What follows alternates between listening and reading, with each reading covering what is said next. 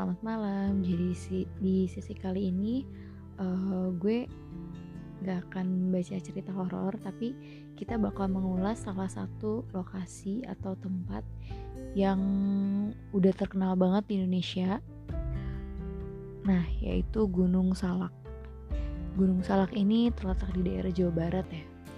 Jadi uh, sejarahnya Gunung Salak ini berasal dari bahasa Sanskerta, yaitu Salaka yang berarti artinya itu perak. Jadi dari bahasa itu kenapa Gunung Salak e, dinamainnya ada nama lainnya Gunung Perak disebutnya. Jadi e, arti nama Gunung Salak itu bukan berhubungan nggak ada berhubung nggak ada yang berhubungan sama sekali dengan buah salak ya. E, bahkan nama Salaka ini sebenarnya diambil dari sebagian nama kerajaan kuno nih tertua di Nusantara yaitu Salaka Negara riwayat kerajaan memang Nah, riwayat kerajaan ini memang berselimut misteri yang cukup pekat sih. E, kerajaan ini merupakan kerajaan tertua, bahkan Salaka negara ini sudah berdiri sejak abad kedua, lebih tua dibanding e, kerajaan Kutrai yang abad keempat Masehi, sebelum Masehi. Namun Salaka negara ini minim bukti fisik.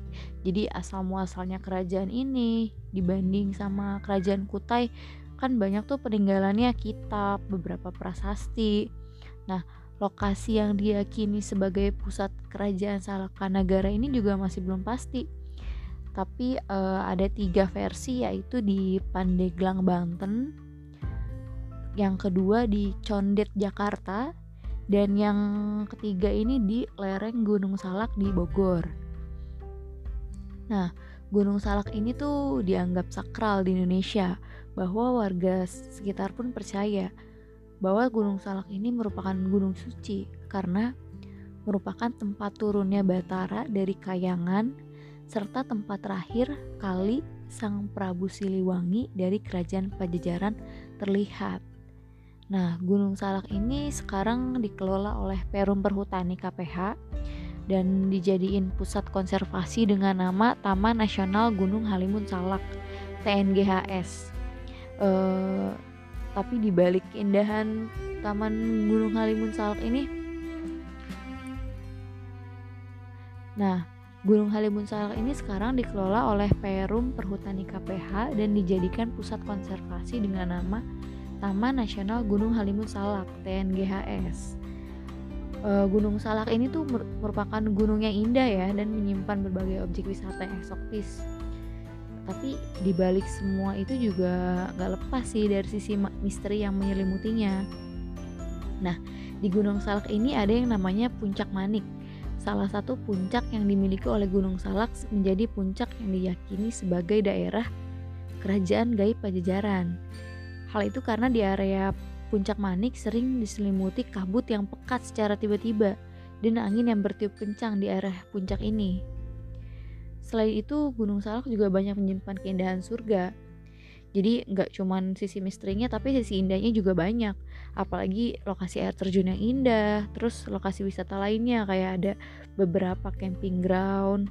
Apalagi biasanya para wisatawan nih banyak berkunjung ke area Curug yang melilit kaki Gunung Salak.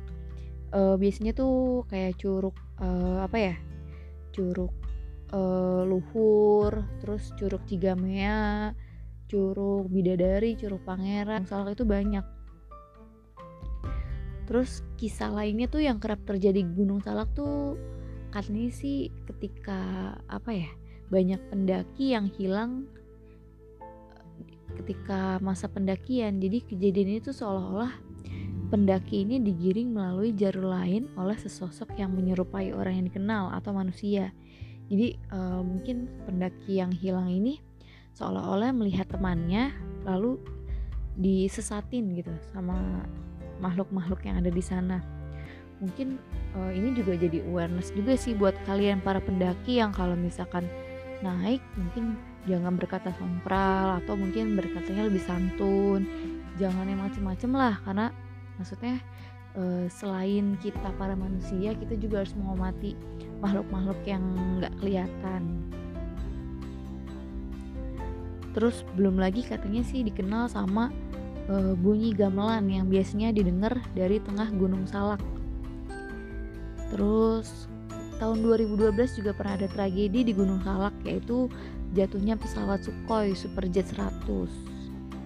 Nah, eh, konon katanya di rekaman kotak hitam yang berhasil ditemukan oleh Komite Nasional Keselamatan Transportasi (KNKT), jadi terungkap, eh, jadi sebelum pesawat jatuh, eh, Mr. Alexander ini terdengar ngobrol sama pilot asal Indonesia. Jadi si apa si pilot ini ngobrol jadi tentang keunggulan Sukhoi lah sebelum jatuh. Jadi ketika lagi ngobrol, uh, pilot ini sempat mengabaikan peringatan bahaya dari dalam kokpit, termasuk permintaan kopilot Alexander tentang cuaca. Padahal padahal si pilot ini hanya punya waktu 38 detik untuk menghindari gunung di depannya. Tapi detik-detik itu diabain sama pilot. Ketika alarm peringatan terus berbunyi sebanyak enam kali, ia mengira, oh mungkin ini rusak atau konslet. Makanya uh, ia pun kemudian mematikan alarm. Dua detik kemudian, dar, pesawat meledak menghantam dinding puncak Gunung Salak. Jadi setelah dua detik setelah dia matiin alarm, gak lama langsung pesawat itu hancur menabrak Gunung Salak. Jadi sejak saat itu Sukhoi dinyatakan hilang kontak hingga akhirnya ditemukan dalam kondisi hancur dan menewaskan 45 orang yang terdiri dari 37 penumpang uji coba dan 8 awak pesawat. Kemudian didapatkan cerita juga nih dari tim SAR ketika mereka sedang mengevakuasi eh, terdengar jeritan wanita meminta tolong di area kecelakaan pesawat tapi nggak tahu sumber arahnya itu dari mana nah selain di Gunung Salak pun uh, masih banyak nih menyimpan berbagai satwa buas hutan, pegunungan. Bahkan di salah satu area ada yang dipercayai sebagai taman gaib. Nah, ini letaknya di Gunung Bunder, Taman Nasional Gunung Halimun Salak. Ini masih di kaki gunung juga. Nah, kabarnya terdapat salah satu production house yang baru asal Bogor ini kontroversi sih menggunakan lokasi yang disebut Taman Gaib itu sebagai set lokasi syuting film horor. Film horor Might the Movie yang digarapnya. Jadi uh, rangkaian kejadian misis pun ketika proses syuting juga nggak bisa dihindarin sih karena kan emang uh, bener-bener setnya itu dibangun di atas lokasi Taman Gaib ini.